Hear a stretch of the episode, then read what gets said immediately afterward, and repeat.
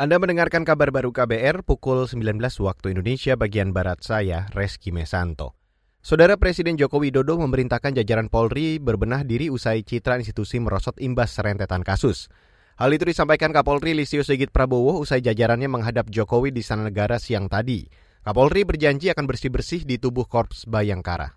Selanjutnya, kami akan terus melaksanakan program transformasi menuju Polri yang presisi, tentunya dengan hal-hal yang lebih mudah sehingga bisa dilaksanakan oleh seluruh anggota, soliditas, saling mengingatkan antar anggota, menjadi contoh, memiliki sense of crisis sehingga kemudian apa yang dilakukan oleh Polri betul-betul bisa mengembalikan kepercayaan publik, kita bisa mengembalikan apa yang menjadi harapan kita Kapolri Listio Sigit Prabowo juga menegaskan bakal menindak tegas perpecahan dan polarisasi masyarakat imbas dari tahun-tahun politik.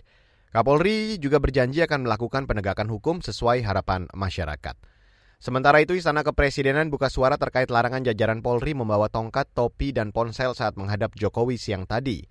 Kepala Sekretariat Presiden atau Kaset Pres, Heru Budi Hartono mengatakan istana tidak menyediakan tempat penyimpanan tiga barang tersebut.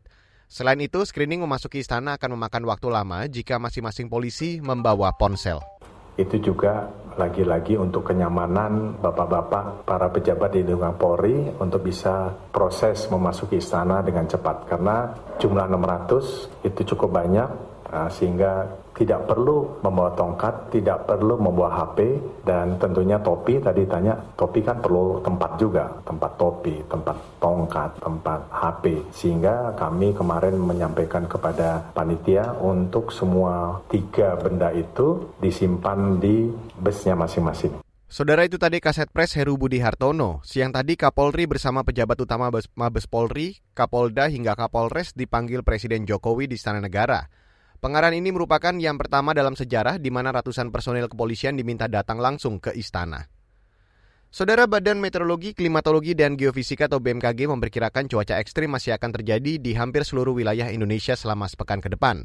Kepala BMKG Dwi Korita Karnawati mengatakan masih ada potensi hujan lebat yang disertai kilat dan angin kencang. Sehubungan dengan perkembangan dinamika atmosfer yang labil tersebut, BMKG memprediksi Potensi curah hujan dengan intensitas sedang hingga lebat bahkan dapat mencapai ekstrim yang disertai kilat petir dan angin kencang untuk periode 15 hingga 21 Oktober 2022 Kepala BMKG Dwi Korita Karnawati menjelaskan cuaca ekstrim itu disebabkan adanya pergerakan siklon tropis Sonca. BMKG mengajak pemerintah mengantisipasi dan memitigasi di daerah yang berpotensi terdampak bencana.